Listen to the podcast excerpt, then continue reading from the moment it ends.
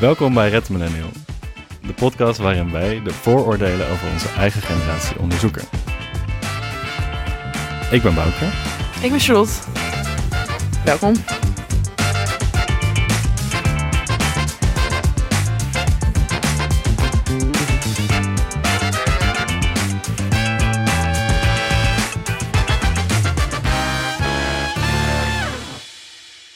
Goedemiddag, Bouke. Hi. Wat vind jij van de stand van zaken, lockdown? Lockdown weer. Ehm, ja, ik vind het wel echt veel minder erg dan de vorige keer. Uh, ik, vind het, ik vind het minder jammer of zo dat de horeca dicht gaat. Ik heb het gevoel van, ah, Ja. kan, kan best zonder. Voor Maar je hebt, wel, eh, heb je het wel nog gevierd of afscheid genomen? Ik heb, eh, ik heb het gevierd. Ik heb een laatste avondmaal gedaan. Met mijn vriendin, Heb jij een vriendin? die ik weer ga noemen.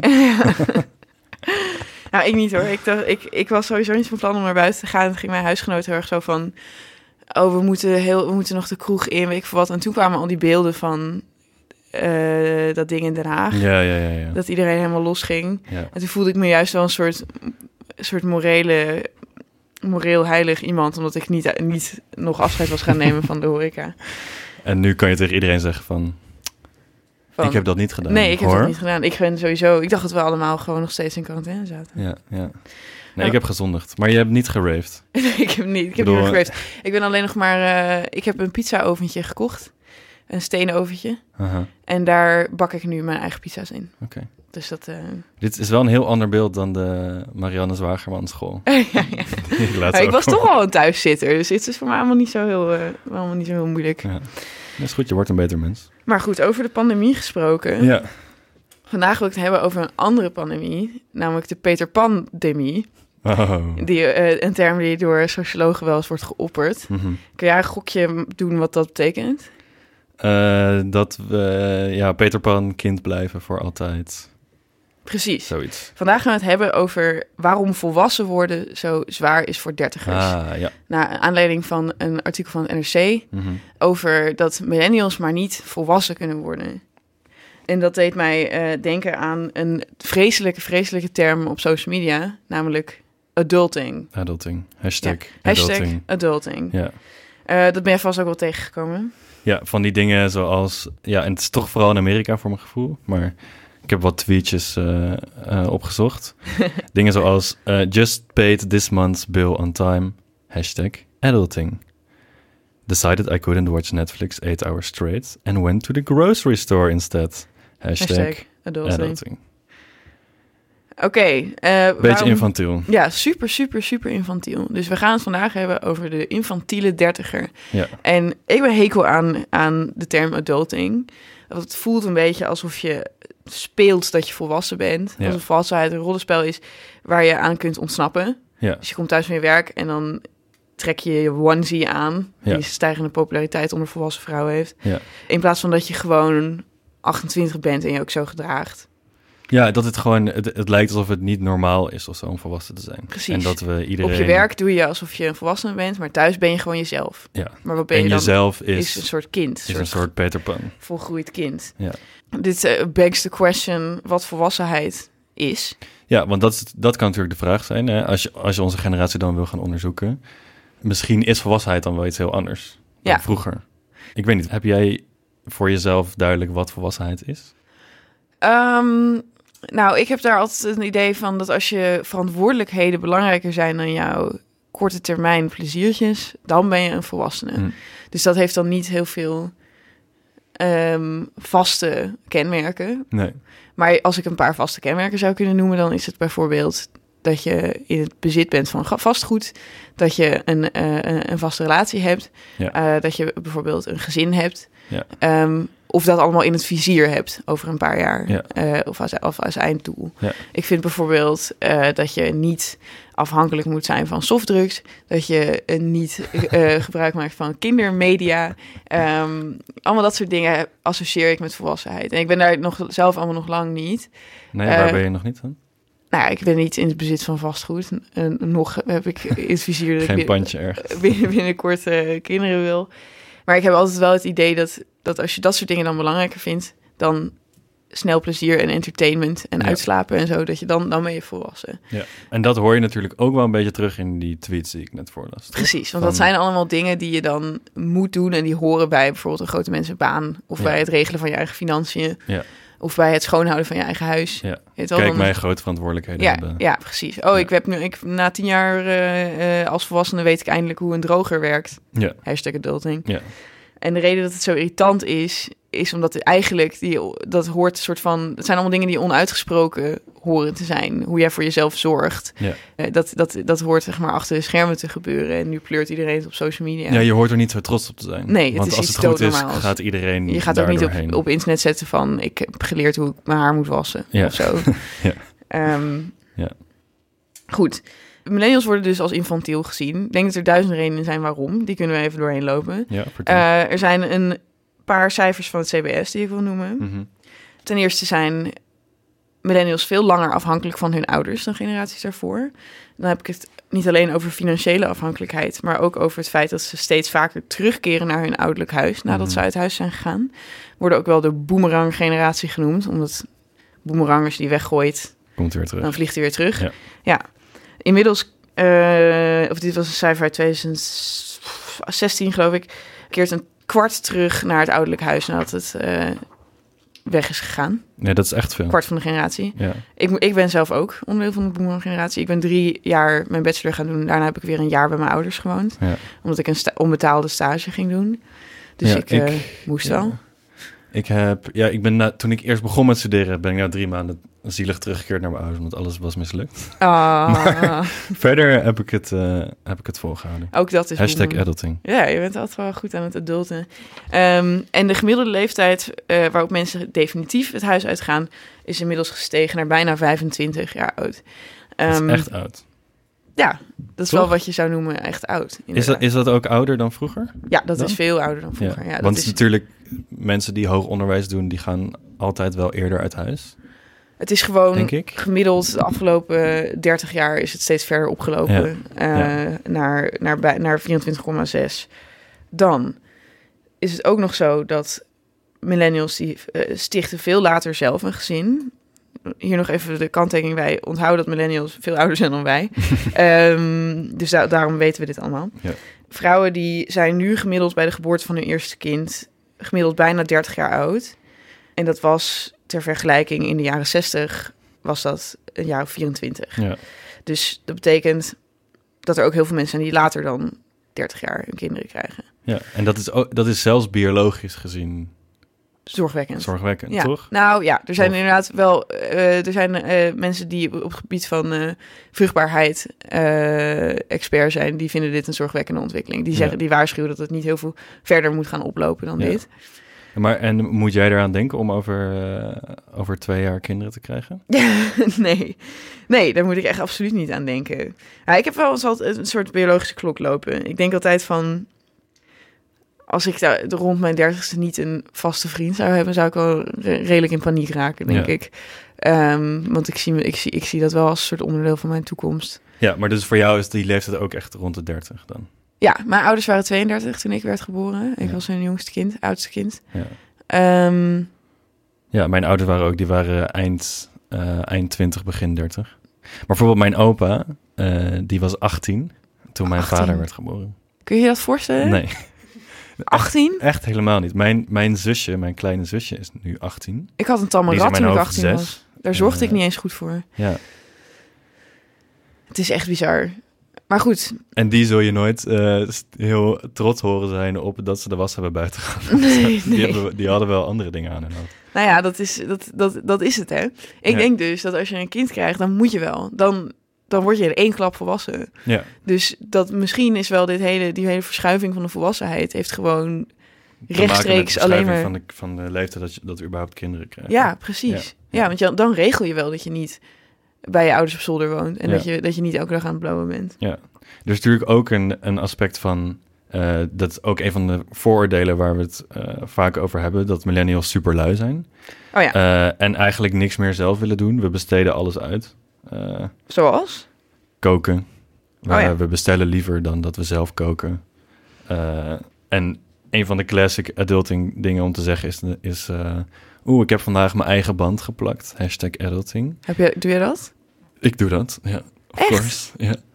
Het is er geen 1903. Nee, ja, je kan ook een stapfiets nemen. Dat precies inspeelt op het idee van... Oh nee, als je maar niet je eigen band hoeft te ja, ja. Nee, precies. Dus, eh, dus we besteden alles uit. We, eh, eh, en ook volwassene millennials, die hebben dan bijvoorbeeld Hello Fresh of zo. Ja, Dus die hoeven dan niet eens meer na te denken over wat ze koken. ja. Ehm, dan denk ik dat er ook nog die luiheid, daar zit ook aan verbonden dat we een soort van gewend zijn om overal een eye over the ball voor te krijgen. Ja. We worden in Amerika ook wel eens de, de Participation Trophy generatie Ja. genoemd. Ja. De troostprijsgeneratie.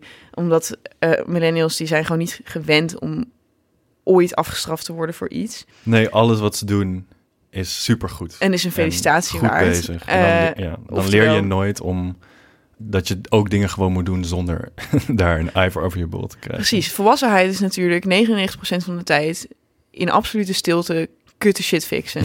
Zoals je afval scheiden of weet ik veel, je internetprovider bellen. Ja. Dat soort bullshit. Goed, nu kun, nu kun je dat online zetten en dan krijg je een eye over je bol van mede-millennials. Dus, dus dit, dit is weer heel nauw verbonden aan de hashtag adulting. Ja, Daar komt ook nog bij, en daar wil ik eigenlijk een hele aflevering een keer aan wijden, eh, dat wij, of dat de millennials een generatie zijn, een van de eerste generaties die eh, integraal is gediagnosticeerd met allerlei mentale klachten. mhm, Ehm, je bent niet ongeconcentreerd, je hebt ADD. ja, Eh, je bent niet een, een, een kutpuber, je hebt PDD-NOS. Ja. Je hebt geen aanstellerige telefoonangst, je hebt social anxiety. ja. Heel erg het idee van we moeten allemaal ook uniek zijn.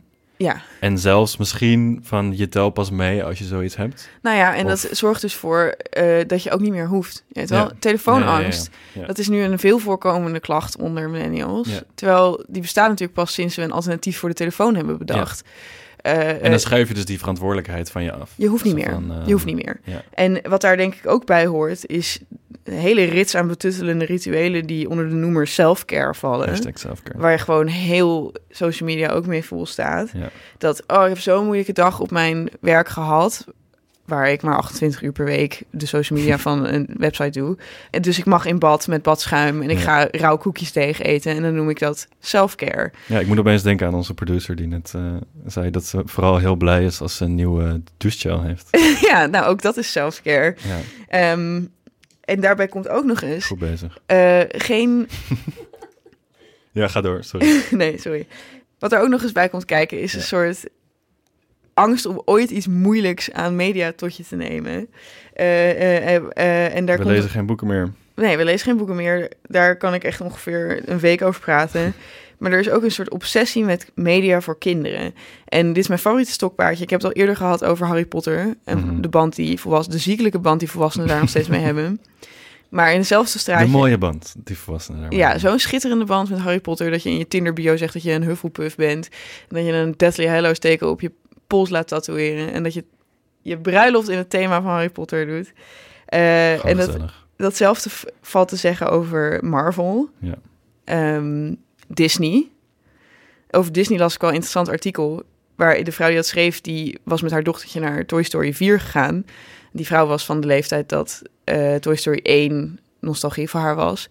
En zij beschreef dat die film eigenlijk helemaal gemarket was en ook gericht op, was op de kijkers van Toy Story 1. Ja, Eh, die dus allemaal heel graag terug willen naar toen. millennials, ja, Ja. millennials die een kinderfilm willen zien. Ja. En dat het haar dochtertje daardoor die film eigenlijk helemaal niet te hachelen vond, want het was alleen, alleen maar gericht op volwassenen. Ja. Breng en al, niet over. al dit soort films, dingen impliceren dan ook heel erg dat we, eh, of dat ze niet, eh, niet volwassen willen worden. Nee, precies. Dus er is een soort van, de hele tijd een drang naar het verleden, naar nostalgie. Nou ja, kijk om je heen. Er zijn eh, volwassen kerels zijn alleen maar videospelletjes aan het spelen. Ja. En Funko Pops aan het verzamelen. Ja. Dat, zijn gewoon, dat is gewoon speelgoed, hè? Het kost bakken met geld.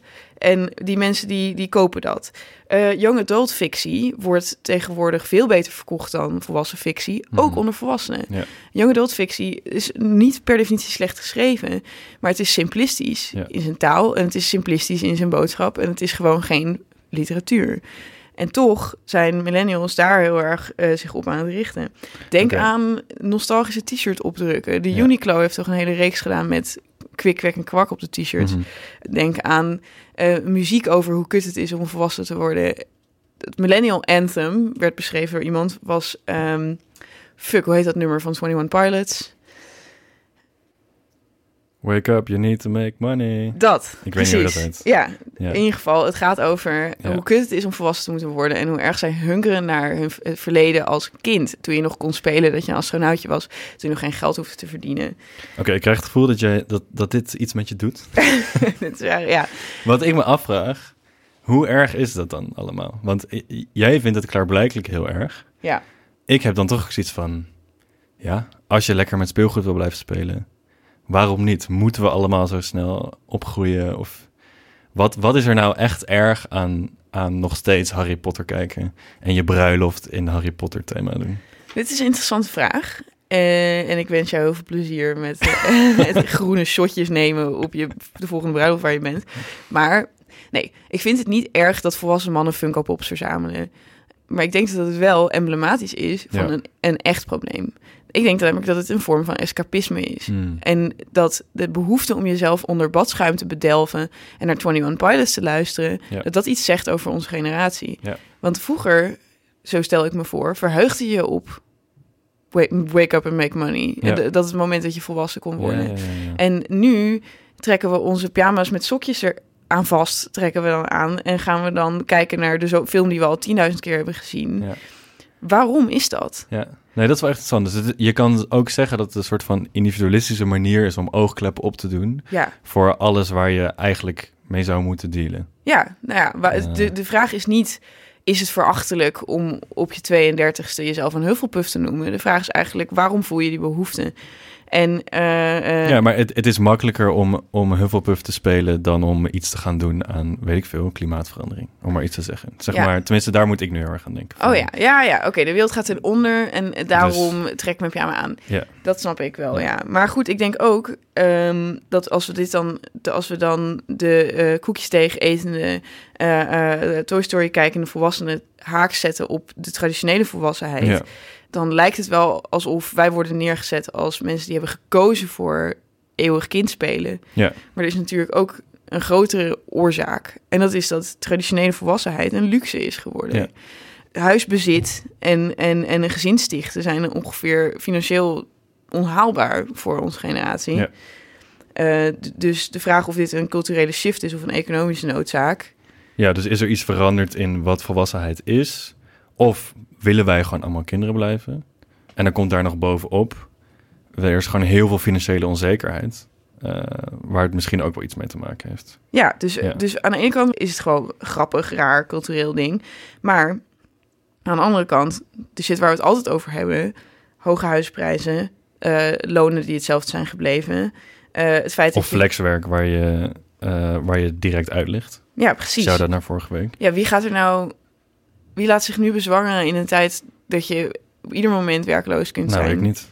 Ja, nee, ja, jij zou je nooit laten verzwangeren, Bouke. Nee. Je houdt de beentjes netjes bij elkaar. Ja. Ja, ja. En, ehm, Maar onbetaalde stages. eh, en wat ik ook hier wel een leuk van vind, is... Voor ons is het heel normaal om heel veel geld te lenen. De basisbeurs is voor ons afgeschaft. eh, waardoor we superveel geld mogen lenen rentevrij. En dat zorgt er eigenlijk voor, tenminste voor mij... dat je geen één besef meer hebt. Ja. Geen enkel besef meer hebt van wat geld überhaupt is. Nee, inderdaad. Je krijgt elke maand één doezoe op je rekening. en je hebt geen idee meer wat dat nou eigenlijk is. Je geeft het gewoon uit. Nee, het voelt We echt werken als, niet eh, meer. Ja. Voor onze centen. Ah, maar dat zorgt er ook voor dat je niet meer echt weet wat het is om, om te moeten werken voor, voor je eigen bestaan. Toch? fucking interessant. Want heel vroeger, en heb ik het over heel vroeger... dan kreeg je je loon aan het eind van de week kreeg je in een zakje. Gewoon in klinkende munt. Ja. En dan stond je vrouw stond daar dan te wachten... om snel de, geld, de helft zeg maar, voor huishoudgeld af te romen... omdat je anders meteen naar de kroeg ging om het allemaal uit te geven. Toen was geld nog echt Echt een ding. een tastbaar ding. Ja. Nee, psychologisch werkt het natuurlijk ongeveer verwoestend... dat je een ontastbare hoeveelheid geld op je rekening gestort krijgt... Dat je die dan weer aan een andere instantie overmaakt. Dat je dan van wat er overblijft, dat geef je dan aan de Albert Heijn. En eh, nooit heb je het gevoel van ik kan nu harder werken en dan promotie maken en dan daar geld van. Dat is dat zeker in een wereld waar geen vaste banen meer bestaan. ja.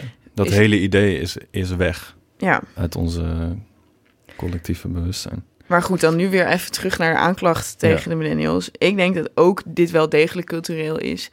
Uh, niet dat het dan weer zijn onze schuld is, want we zijn op een bepaalde manier opgevoed. En ik vind niet dat ik mezelf een incompleet iemand vind, maar ik, aan mijn opvoeding schort er wel wat. En aan onze collectieve opvoeding. Namelijk, wat wij te horen krijgen is, volg je dromen. Ja. Uh, doe wat je, je wil. Je kan alles worden wat je wil. Je kan alles doen wat je wil. Alles kan, alles mag. Logischerwijs willen ouders hun kinderen een comfortabeler en vrijer leven geven dan ze zelf hebben gehad. Ja. Ik bedoel, de ouders van mijn vader waren echt hippies. En uh, dat, dat de kinderen niet naar de kapper mochten. En die hadden free love t-shirts aan naar school en dat soort dingen. En mijn vader heeft mij een nog vrijere opvoeding gegeven. Uh, waarin hij zegt van oké, in je jonge jaren trek ik mijn beurs voor je open. En als je maar iets doet wat jouw interesse kan vasthouden. Ja. En en dan krijg je nooit het idee mee dat je ook ooit verantwoordelijkheid moet nemen en misschien kutte shit moet doen. Ja, dat, uh, dat, het, dat het leven dus voor 99% uit gewoon bikkelen bestaat. Ja. Dat, het is namelijk grotendeels ook minder waar dan het vroeger was. Ja. Je kunt best een relaxed leven hebben nu in Nederland in 2020. Mhm. Uh, of nou ja, in 2019 dan. Um, maar uh, het schijnt, en er zijn nu allerlei boze Franse sociologen uh, over aan het schrijven, Ja. dat, jou, dat je afzetten tegen de strenge regels van je ouders fundamenteel onderdeel is van het onafhankelijkheidsproces. Ja. Dus dat je pas een normale volwassene wordt als je een heel klein beetje ingehouden bent als kind. En dat kun dat, En dan kan losbreken. ja, dat kan, kunnen wij ons allemaal niet voorstellen. Nee, heb jij dat nooit gehad, zo'n fase? Eh, dat ik werd behandeld, dat, dat ik me moest afzetten ergens tegen. Ja, dat, je- dat, je, dat je ging puberen en dacht van... ah, alles wat jullie hebben ooit tegen me hebben gezegd... fuck jullie, ik ga gewoon mijn eigen Jawel, maar, maar, maar niet in zo'n mate als vroeger moest, zeg maar. Dat je Nee. shit stiekem moest doen en dat je zodra je 18 werd of 17... dat je dan optiefde omdat je ouders zo'n bekrompen burgerbestaan hadden. Ja, Eh, ik heb helemaal geen burgerlijke ouders en ik was zelf een soort verlegen kind. Dus ik heb, ik heb er überhaupt nergens ooit tegen af hoeven zetten. ja, ik denk wel meer. Ja? En mijn ouders zijn, eh, zijn best wel burgerlijk. Ah, Ehm, luisteren ze naar de podcast? Nee, volgens mij niet. Mijn moeder wel oppassen. An- Anders krijg ik straf. Nee, luisteren naar de, de, Hele strenge naar regels de ben ik EO op opgevoed. de radio of wat. Nee, maar ik heb wel, als ik vroeger ging, ging eh, drinken of eh, wiet ging roken of zo, dat, dat was niet, werd zeker niet aangemoedigd. Dat deed ik wel echt allemaal stiekem. Oh, grappig. En dat was dan wel, ja, ik heb wel zo het gevoel gehad van, oh, ik, ik moet losbreken van die regels. En voor mij was uit huis gaan ook wel heel erg wat je net zei van, eindelijk uit dat, dat burger bestaan. Oh, maar dat is best wel... Je bent thuis. gewoon best wel ouderwets dan. Denk jij dat jij volwa- volwassen bent? Ja, ik denk het wel. Ja, nee, ja, ik denk het wel. En misschien ben jij dan ook de uitzondering. De enige volwassene millennium. Nee, oké. we hebben het over maatschappelijk Ja, verschijnsel. nee, ja, ja, Maar oké, dit is wel een interessante vraag. Verzamel jij Funko Pops? nee. nee, maar ik speel wel, eh, ik, ik game wel, Oké. bijvoorbeeld. Maar Ja. Nintendo di- bullshit of gewoon van die interessante eh, Nee, FIFA natuurlijk. FIFA? Oh, dat vind ik ook heel kinderachtig. Het is fucking kinderachtig. En ik maar probeer nu maar nog terug. eens een man te vinden in deze wereld die niet spelletjes speelt of speelgoed verzamelt. Waar zijn ze gebleven? Ik wil gewoon een houthakker. Ehm, Oké, maar ik heb dus duidelijk een blinde vlek op dit gebied, omdat mijn ouders mij ziek hippieachtig hebben opgevoed. Ja. Maar goed, de sociologen zijn het met me eens. ja, het is Ehm, wel heel erg de, ten- de tendens. de tendens is naar meer vrijheid in de opvoeding. Eh, daarbij misschien komt, is het wel dus heel erg gebiased naar randstedelijke ouders. dat zal heus. Ja. Dat zal heus, maar dat is... Ik bedoel, welkom bij de podcast, toch? Ja. Het is elke Nee, keer precies, ja. wat, wat het is. We gaan er nog een keer... We gaan nog eens een keer even alles ontkrachten dat we tot nu toe hebben gezegd. Ehm, wat ook nog bij opvoedingsding komt kijken... is dat de meeste van onze ouders tweeverdieners zijn of waren. Ja. Ehm, en dat was al eigenlijk vanaf Gen Y zo. Dus mama is helemaal niet thuis om jou te leren hoe je een appeltaart moet bakken... of jou te leren hoe je moet strijken.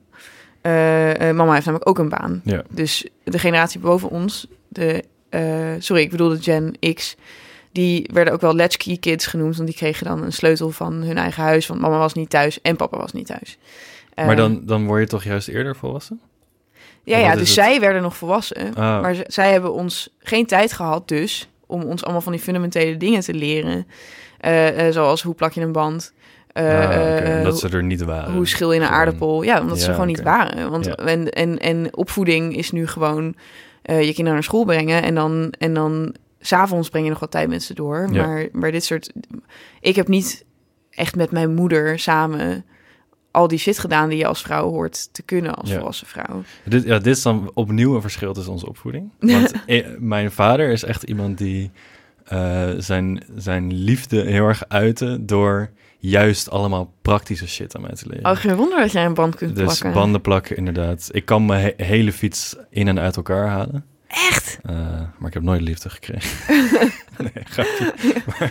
Jij bent Nee, mijn ik, ben, ik ben juist best wel een beetje eh, ja, traditioneel in die zin. Gewoon, eh, je Ik moet kom gewoon ook eens achter. Ik dacht dat jij een leren. soort, eh, een soort uber-millennial was.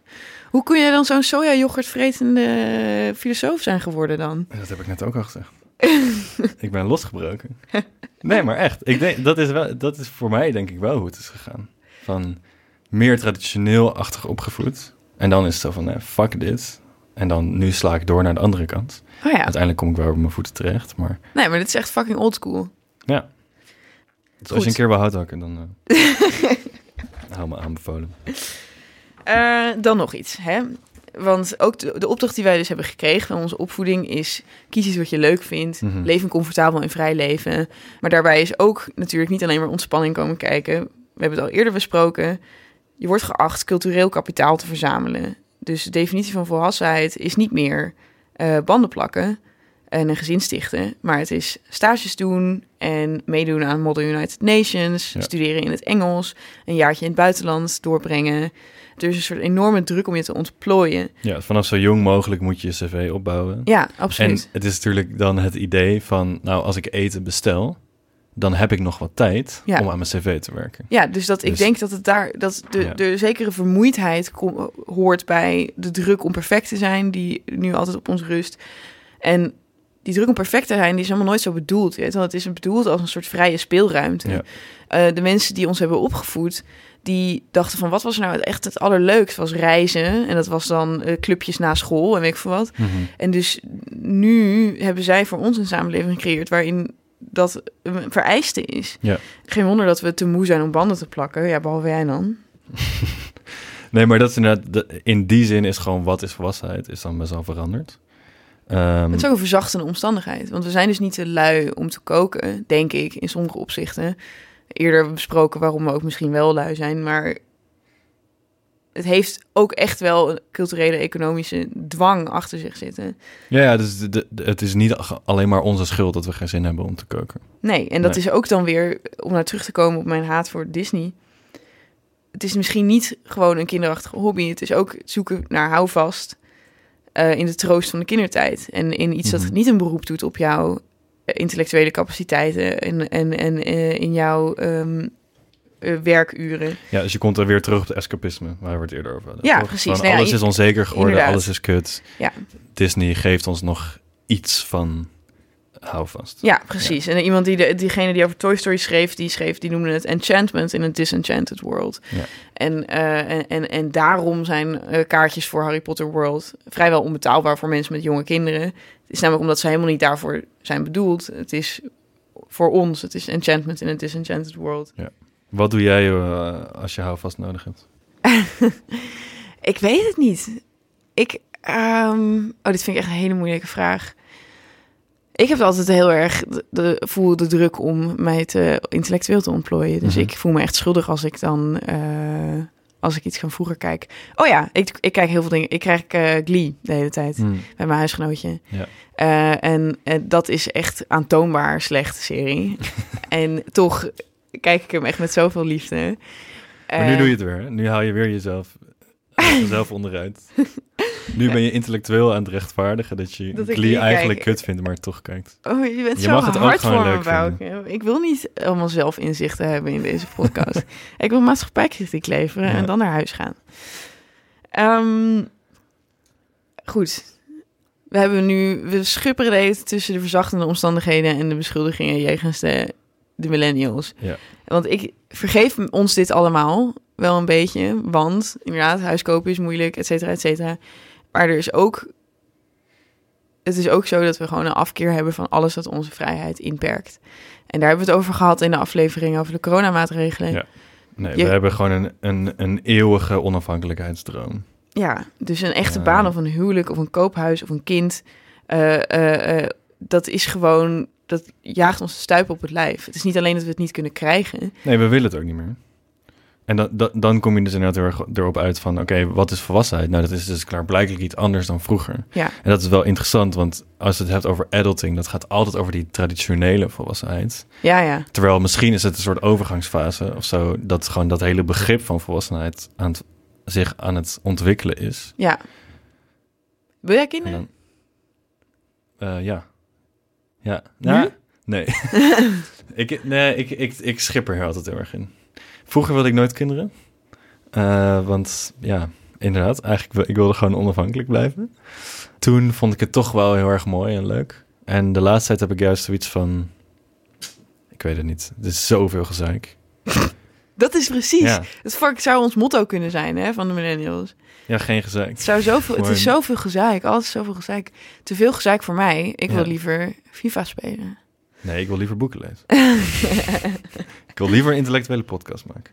Nee, maar ik wil, ik wil het echt wel hoor. Ik denk soms van, oké, misschien word ik wel geprankt door mijn eigen eierstokken of zo. Maar het lijkt mij gewoon fucking gezellig. Oh, als in dat je nu dat gevoel hebt dat je Ja, dat wil. Ah. ik ben echt ontzettend babygeil. Ik kan niet Hema inlopen zonder naar die kleine houtje touwtje jassen te kijken. Maar je zei eerder niet over twee jaar, baby. Nee, niet. Nee, maar behalve, ik denk soms, soms wens ik stiekem dat het noodlot gewoon toeslaat.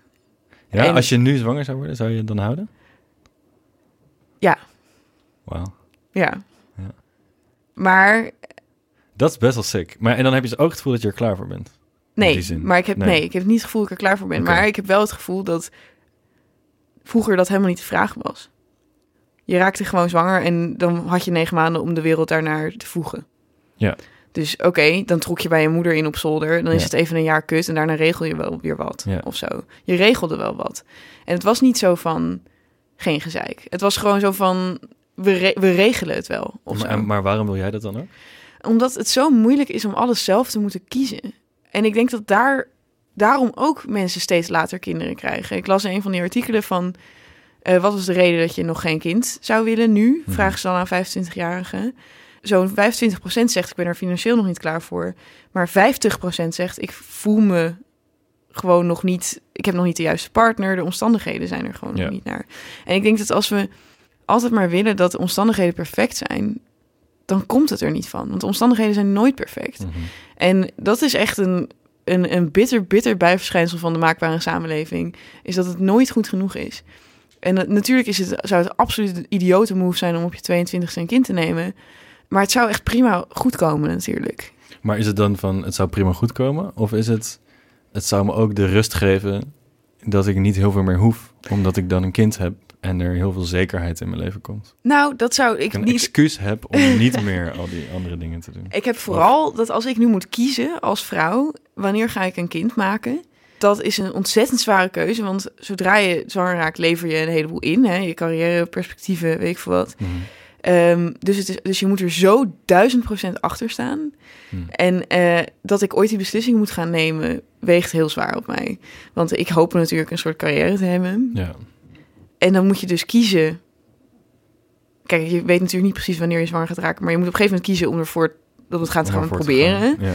En, en, en, en dat is zo'n zo'n moeilijke keuze. En dat is een keuze die ik eigenlijk niet wil maken. Dus daarom, ja, je wilt liever dat het je dan overkomt. ja, daarom koester ik de stiekem mijn hoop dat er een keer iets misgaat met een combinatie antibiotica en een pil of zo. En dat Ja. ik gewoon dan denk, god voor de kanker. Maar dat het dan, je weet wel, Ja. het is een hele heftige uitspraak. Maar de kans is groot dat ik gewoon zo rond mijn 34ste een kind ga krijgen. Ja. Ehm, en dat het allemaal goed komt. En dan heb je nog steeds genoeg tijd. Zelfs om er drie te maken, mocht je daar zin in hebben. Ja. Ehm, maar het, het fenomeen van dat een kind nemen nu heel bewust kan en daardoor ook moet. En daardoor ook nog eens iets zegt over hoe jij in je carrière staat. Dat is gewoon zo anders dan hoe het vroeger was. Dat je gewoon godgegeven 13 kinderen kreeg. En Ja. dat was gewoon je hele leven. ja, en dat voelt gewoon een hele grote druk op je schouder. Ja, Die absoluut. je liever niet wil. Nee, ik, ben, ik heb veel liever deze situatie dan, dan die waar in mijn overgrootmoeder leefde. Ja. Dat zij gewoon vanaf haar achttiende tot haar menopauze altijd zwanger of zogende was. Dat is, dat is vreselijk.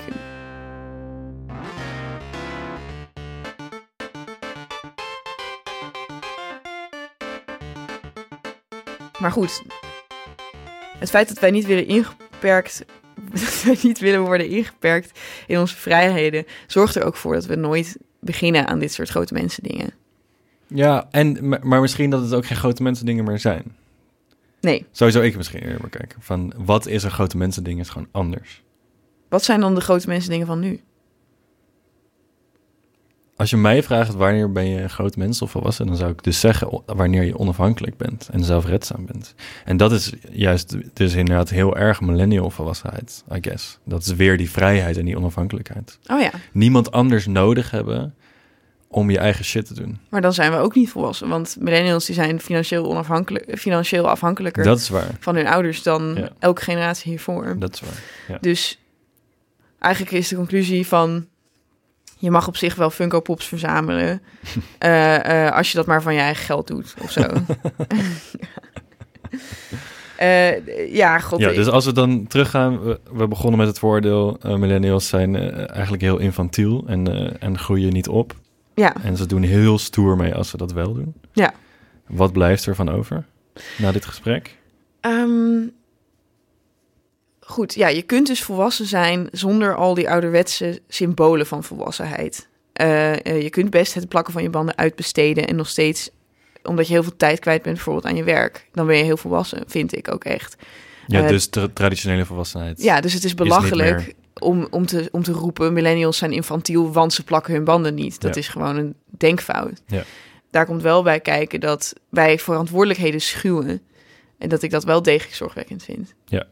Nee, en daar ben ik het ook helemaal mee eens. Want als je het inderdaad hebt over zelfredzaamheid als definitie van volwassenheid, Mhm. dan eh, verantwoordelijkheid is daar natuurlijk een heel groot onderdeel van. En je kop in het zand steken voor alles en lekker eh, genieten van je douchegel in plaats van je verantwoordelijkheid nemen.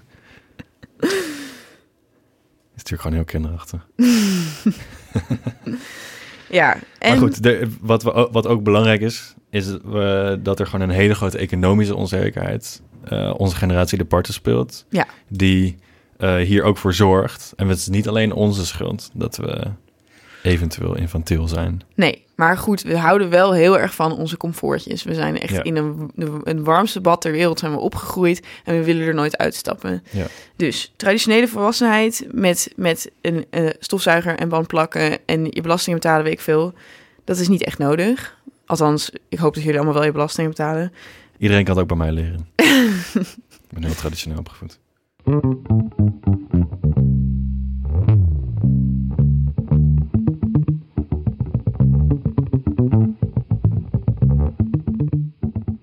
Nou, nou, poepoe. Zo, hey. Heb je nog een millennial? Ik heb wel, ja, ik heb echt een millennial moment van je welste gehad. Echt heel erg in de lijn van dit thema ook van deze week. Leuk. Ja. Eh, ik had laatst geen heet water in mijn huis. eh, net nu het zo koud begint te worden. En ik kon bij God niet bedenken wat de oorzaak ja. daarvan zou zijn. Ik weet namelijk niet waar heet water vandaan komt. Eigenlijk, toch? Het is er gewoon. Ja. Dus ik ging zoeken naar een soort eng kastje in mijn huis. Ik nam aan van, oké, daar zal het wel het, het euvel zitten. Mhm. Toen heb ik degene gebeld, heb ik mijn huisgenoot erbij gehaald. Hebben we samen gebeld naar het bedrijf dat ons die boiler had gegeven. Mhm. Gewoon de naam weer opstond. Mhm. En toen belden wij, het zeiden we, oh, onze boiler doet het niet. Toen had zij het over een rood kraantje waar we dan iets mee moesten. Hadden we niet. Zei ik, er zit geen rood kraantje op. Toen ging ze ons adres opzoeken. Toen zei ze, weet je zeker dat je een boiler hebt? ik zo, ehm, nou ja, weet ik veel. Zo heet zo'n ding toch waar het heet water uitkomt. Ja. En toen zei ze echt met nauw verholen spot, zei ze... Bedoel je misschien een cv-ketel? dat was het namelijk. Nou, toen heb ik die cv-ketel opnieuw gevuld. Dat moest met allemaal dingen. En daarvoor had ik een waterpomptang nodig. Nooit van gehoord. Dat heb ik met een soort gebarentaal overgebracht aan mijn Turkse buurman. En die heeft toen uiteindelijk dat voor ons gedaan. dus het was weer echt een soort subliem moment van... oh, ik ben eigenlijk volwassentje aan het spelen. ja. Ehm, En je hebt het uitbesteed, ja. uiteindelijk. Ja, nou, ik heb uiteindelijk zelf dat ding opgeschroefd, maar hij moest voor ons een waterpomptang gaan zoeken in zijn huis. Hij bleek toen ook echt vijf gereedschapskisten te hebben. Wij hebben geloof ik één schroevendraaier waar we alles mee doen, Ja. eh, inclusief gewoon bier openmaken. Ja. Dus Maar jij weet nu wel hoe het moet. Ik weet niet hoe het moet. Ja, Dus- als iemand zijn cv-ketel laten bijvullen, ik hou me aanbevolen. Nice. Jij nog uh? Eh, ja, de, het gaat niet over mezelf, maar nou, het gaat ook over mezelf. Hè? Het gaat over... Het gaat over ons allemaal. Het gaat over ons allemaal. Ja, welke? Ehm, over uitbesteden. Cadeautjes. Besteed je tegenwoordig... Ja, oké. cadeautje is natuurlijk het hele idee dat je het uitbesteedt. Want je koopt het echt fucking ergens anders. Goed. Iedereen bestelt zijn cadeautjes tegenwoordig. Net als ik. Ja. En je hebt het vast ook wel eens gehad... dat je dan een cadeautje eh, voor iemand hebt besteld... zo de avond van tevoren. Ja, oh ja, ja. Op Weet je wel- of zo. En dan hopen dat het op tijd komt. En je weet eigenlijk dat het niet op tijd komt. Ja. Maar je denkt de hele tijd van, ah, dat kan nog wel later, kan nog wel later. Ja, doe je te laat. Dan weet je dat. Wat doe je dan? Dan zeg je niet, oh, ik heb te laat besteld. Dat is kut. Mhm. Dus je bedenkt een of andere smoes. Dus je schrijft een brief en dan zet je in, oh, ik wilde nog je iets laten kiezen over het cadeautje. Dus ik heb het nog niet gekocht. Of Oh ja. het is eigenlijk een surprise. Je krijgt het over een week aan je deur. Hoe leuk is dat? Ja, ja, ja. Dat. Nou, ehm, ik heb hier iemand op betrapt. eh, vorige week op Facebook, die dit sowieso heeft gedaan. Zit je nog op Facebook? Eh, ja. Ehm, maar dat er natuurlijk niet in heb gezet. Ik wil even de, ik wil even de post voorlezen. Oké, ik ben heel benieuwd wat dit gaat zijn. Wat gemeen dat jij dit gewoon gaat voorlezen. Je bent echt een cyberbully. Zonder naam en toenaam. Oké. Happy birthday to my love. Hartjes smiley. Hashtag 26. Hashtag gift. Hashtag, komt ie, still to come. Hashtag surprise. Oké, dat is het excuus. En dan hashtag patience. Oké, wat ik hier aan ontwaar... is dat deze jongen voor zijn de verjaardag van zijn 26-jarige vriendin... heeft hij een cadeau. Maar het is nog, het is nog onderweg. Het is nog onderweg. En hij En in plaats van dat te zeggen, vermaant hij haar. Je moet geduld Je hebben. moet geduld hebben. Maar ook dat het iets heel, dat, alsof het iets heel goeds is om geduldig te zijn over Ja, de ja, ja, cadeaus. ja, Want dat is wat je moet leren. Het is echt heel grappig.